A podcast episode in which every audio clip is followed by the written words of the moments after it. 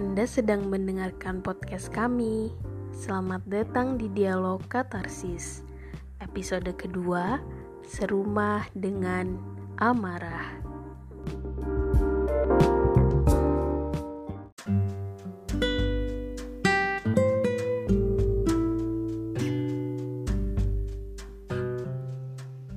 Assalamualaikum, selamat datang kembali di Dialog Katarsis episode kedua Masih bersama kita nih, Widya dan Ica yang akan menemani kalian mendengarkan podcast kali ini.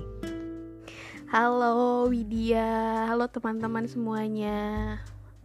Bener banget nih, ini semua berkat dari doa dan juga dukungan teman-teman semua yang udah dengerin dialog katarsis di episode pertama. Akhirnya kita bisa bikin nih kita bisa buat lagi nih yang episode kedua oke kalau boleh tahu nih Wit. Di episode kedua kita bakalan bahas apa sih? Nah iya kita akan membahas tentang salah satu bentuk emosi dari beragam emosi yang kita punya. Kan kita punya banyak uh, apa namanya emosi ya bisa sedih, senang, gembira atau marah begitu. Karena ya kita punya 24 jam waktu dalam sehari dan tentunya dalam 24 jam itu banyak peristiwa yang kita lalui, banyak peristiwa yang kita uh, lakukan begitu. Dan peristiwa-peristiwa itu selalu dihiasi dengan beragam emosi begitu.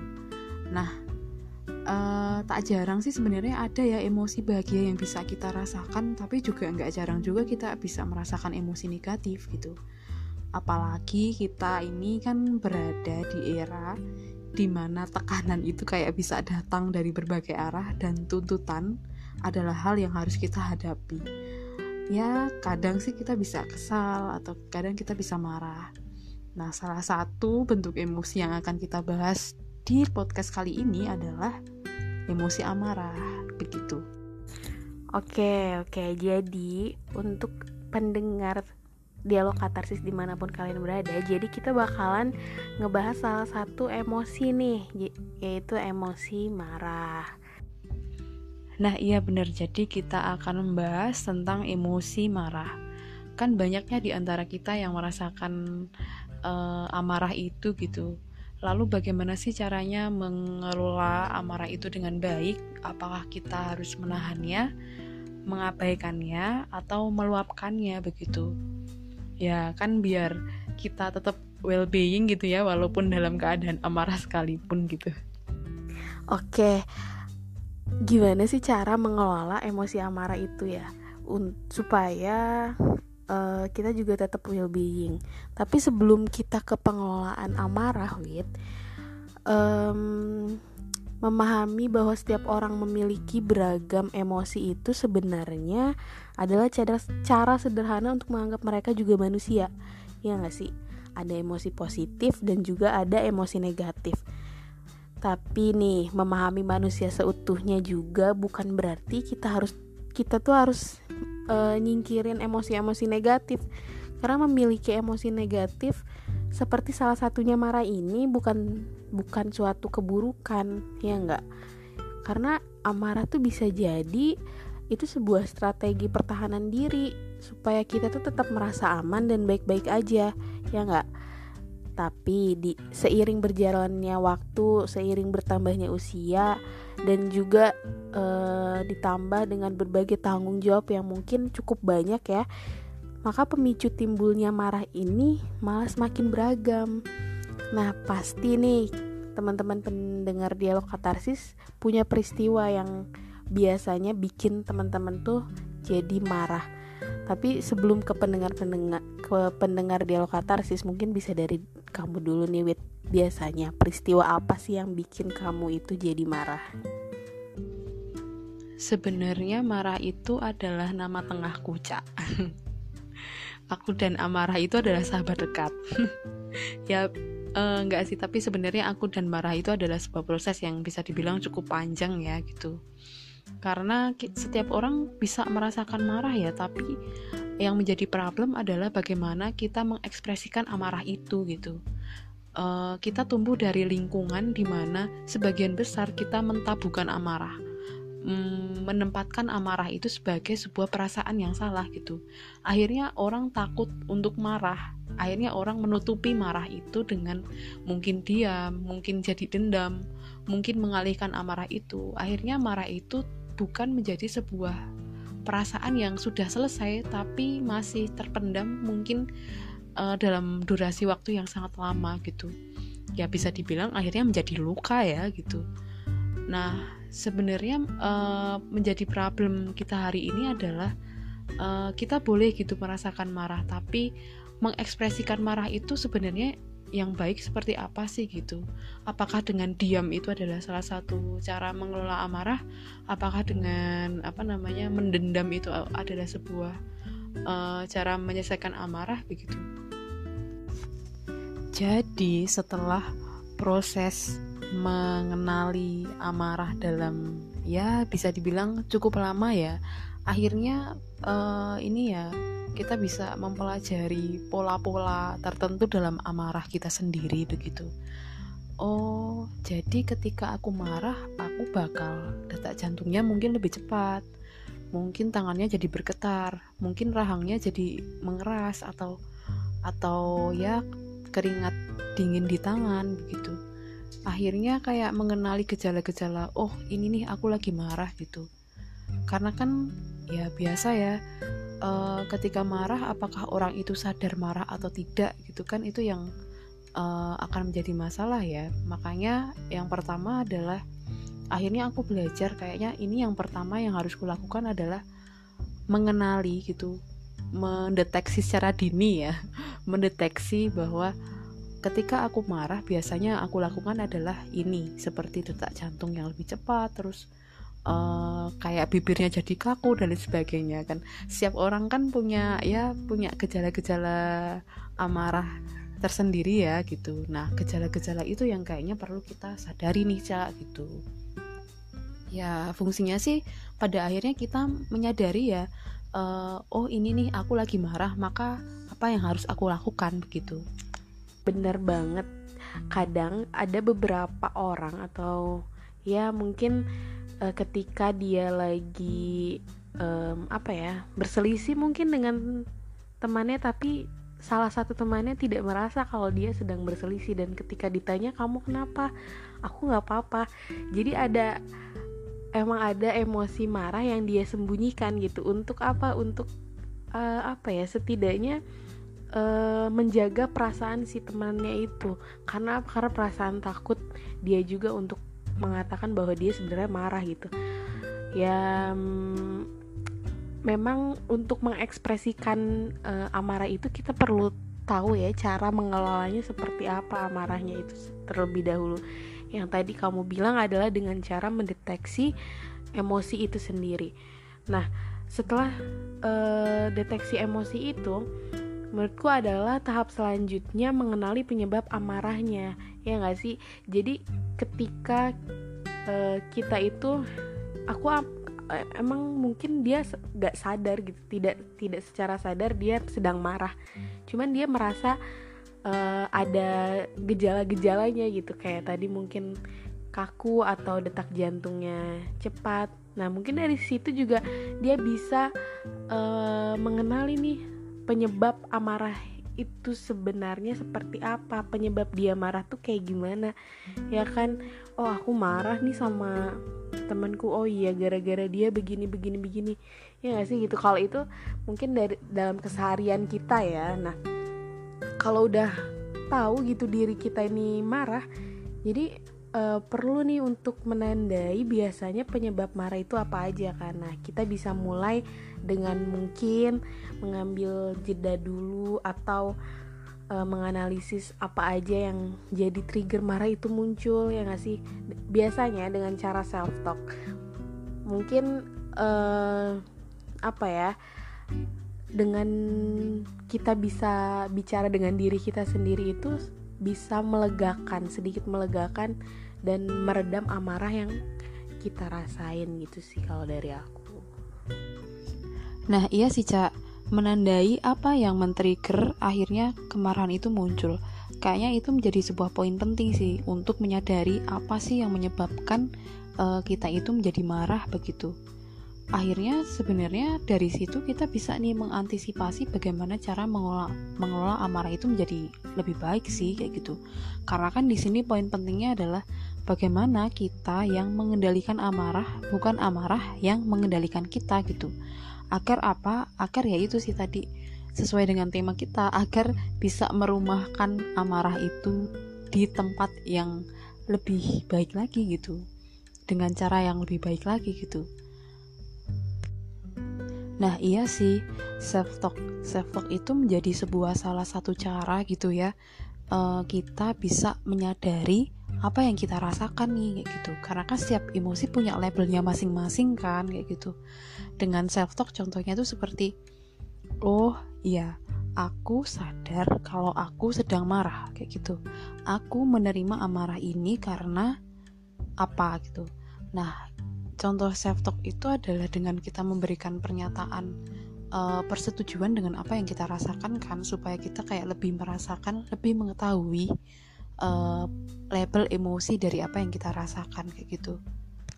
Kadang nih ya gitu ada nih gitu ada suatu momen ketika kita benar-benar marah gitu ya tapi kita nggak mau tuh ngakuin bahwa kita tuh lagi marah gitu. Ketika ditanya kamu lagi marah ya gitu. Pokoknya dengan mengeluarkan alibi apa pun itu kita bilang bahwa enggak aku nggak marah gitu. Enggak aku nggak apa-apa kok gitu. Itu kan sebagai apa ya namanya perasaan pengabaian ya gitu. E, perasaan bahwa aku nggak mau dicap lagi marah. Itu kan e, apa namanya ya e, tidak menyadari dengan label emosi yang dirasakan gitu. Maka akhirnya dengan self talk dengan membuat pernyataan oke okay, aku kayaknya lagi marah dan aku menyadari dan menerima rasa marah ini karena ini ini ini ini kayak gitu. Nah, semoga sih teman-teman pendengar dari dialog katarsis ini ketika lagi marah bisa disadari ya, oh oke okay, aku lagi marah nih kayak gitu. Jangan di ini, jangan diabaikan atau jangan dialihkan gitu. Ah, nggak apa-apa kok aku nggak marah biasanya kan pada gitu ya. Iya ya, bener. Biasanya emang uh, kayak kita tuh ya gak mau dianggap kalau kita marah gitu. Jadi kita abain ditanya kamu marah ya? Enggak kok. Biasanya kan kayak gitu dan padahal ya gitu. Kalau kita lagi marah nih uh, sama teman kita gitu mungkin sama ya sama siapa pun itu bisa sama keluarga atau sama siapa pun. Dan sebenarnya kalau marah itu dalam hadis tuh nggak boleh lebih dari tiga hari ya kan? Dan biasanya di sela-sela itu tuh di sela-sela menuju tiga hari itu kita biasanya tuh uh, ya entah itu self talk atau bisa juga refleksi diri biasanya kan mikir-mikir uh, gitu kenapa ya aku harus marah? Kenapa ya aku harus marah? Sih ya semacam kayak mencari-cari gitu mencari-cari penyebab kenapa aku nih marah gitu. Dan uh, mungkin bisa dengan relaksasi juga. Selain kita uh, selain kita self talk ya bicara dengan diri kita sendiri mungkin bisa juga kita uh, melakukan relaksasi. Karena uh, ketika kita udah sadar nih kita lagi marah dan kita bisa melakukan self talk sebagai pernyataan penyadaran dengan apa yang kita rasakan. Selanjutnya juga kita perlu bikin langkah nih cara ngelola amarah itu sendiri. Misalnya kan tadi aku bilang dengan e, relaksasi sebentar. Relaksasi itu e, mungkin teman-teman ya kalau teman-teman psikologi sih pasti udah tahu ya relaksasi e, apa banyak caranya. Mungkin kalau yang belum tahu relaksasinya kayak gimana itu bisa tarik nafas dulu biar saraf-saraf simpatik ya kita tuh menurun atau bisa duduk dulu sambil ambil nafas sejenak atau bisa juga uh, sambil dengerin apa ya kayak musik-musik yang memang halus banget tenang banget kayak gitu. Dan sebenarnya uh, apa ketika kita marah itu kita nggak boleh mengabaikan amarah gitu amarah itu sendiri karena ya memang harus diselesaikan gitu. Kalau kita abain kita lupain malah jadi luka ya kan? Kalau udah jadi luka uh, kita harus menyembuhkannya. Terus entah sampai kapan gitu bakalan sembuh. Pasti butuh waktu lagi yang lama. Jadi memang kita harus sebisa mungkin menerima amarah itu sih emosi marah itu. Nah kalau dari kamu nih Wit, apa yang biasanya kamu lakuin ketika kamu lagi marah? Uh, pasti teman-teman uh, pendengar dialog katarsis juga punya cara yang berbeda mungkin dengan kamu. Jadi aku pengen tahu nih kalau kamu tuh kayak gimana sih cara atau apa yang kamu lakuin ketika kamu lagi marah kalau aku sih ini ya stop overthinking gitu berhenti untuk berpikir berlebihan uh, bukan berarti self talk itu adalah sebuah cara untuk overthinking sih tapi self talk itu adalah sebuah cara bagaimana kita membuat pernyataan yang positif gitu atas permasalahan yang terjadi. Bedanya dengan overthinking adalah kita berpikir berlebihan, uh, membuat bumbu-bumbu di dalam permasalahan yang sebenarnya tidak tidak ada di dalam permasalahan itu yang kita ciptakan dalam pikiran kita sendiri. Akhirnya kan permasalahan itu menjadi menjadi menjadi jadi dan uh, tidak menemukan solusi gitu. Akhirnya kemarahan pun tidak reda gitu.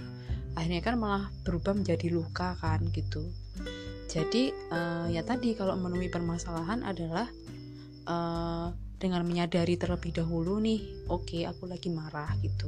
Kemudian kita bisa sih kayak tadi yang Ica katakan relaksasi ambil nafas duduk dulu gitu kan.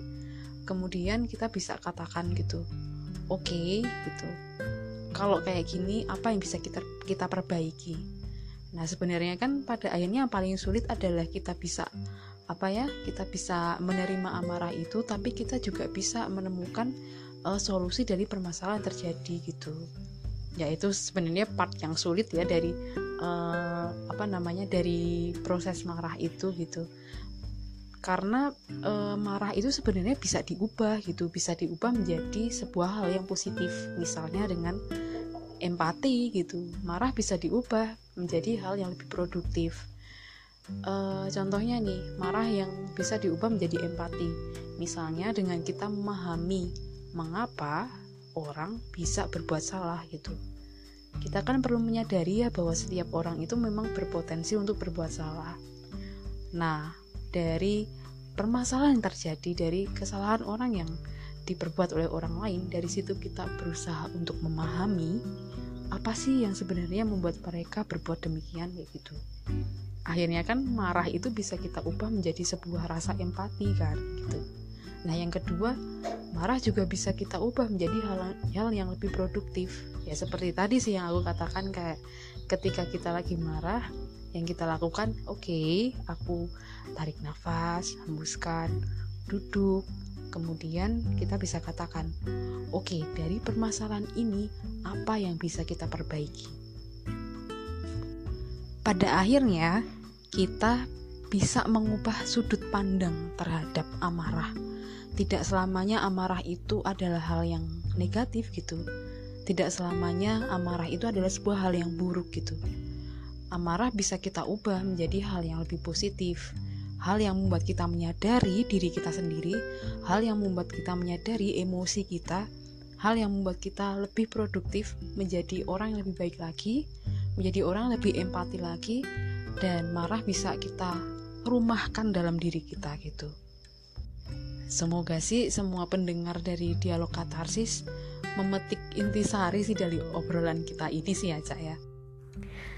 Dari apa yang sudah kamu jelaskan tadi ya, uh, mungkin teman-teman dari pendengar dialog katarsis uh, sekarang lebih tahu nih gitu gimana e, mengelola amarah itu, gimana menerima amarah itu, gimana berdamai dengan amarah itu sendiri gitu.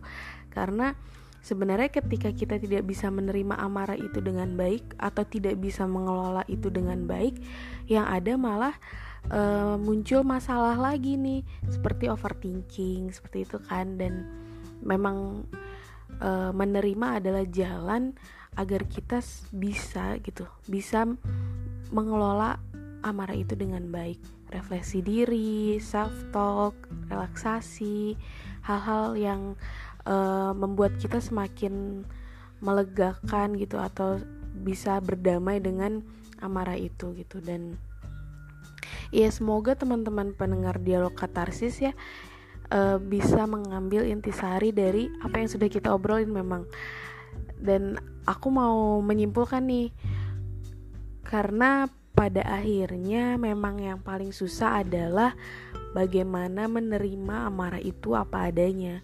Namun di sisi lain, kita juga harus duduk dengan tenang agar kita bisa serumah dengan amarah. Dan tidak terasa obrolan kita seasik itu sih tentang uh, emosi marah ini. Karena itu hal yang apa ya hal kecil yang mungkin sering terjadi sih di kehidupan sehari-hari ya kan. Dan itu memang cukup menguras gitu ya kan? Ya itu mungkin bagi aku gak tahu untuk teman-teman yang lain ya gitu. Cuman kita harus cukupkan dulu sampai di sini. Uh, semoga kalian bisa mengambil hal-hal baik yang sudah kita sampaikan. Uh, mohon maaf jika banyak kekurangan dari apa yang sudah uh, kita sajikan dari obrolan ini. Semoga bisa terus mendukung dan juga mensupport kami agar episode-episode selanjutnya bisa kami tayangkan. Terima kasih sudah mendengar. Da, da Widya. Assalamualaikum. Iya, sudah selesai. Terima kasih sudah mendengarkan dialog kami ya. Semoga uh, podcast ini bisa bermanfaat untuk kita semua. Di sini dengan segala kerendahan hati, uh, saya dan Ica tentu masih belajar dan kita semua juga masih berproses. Bagaimana cara mengolah amarah sih terutama.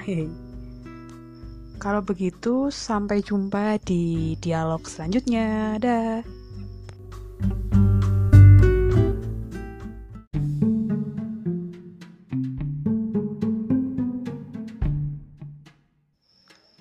Anda telah mendengarkan podcast kami. Terima kasih sudah mendengar.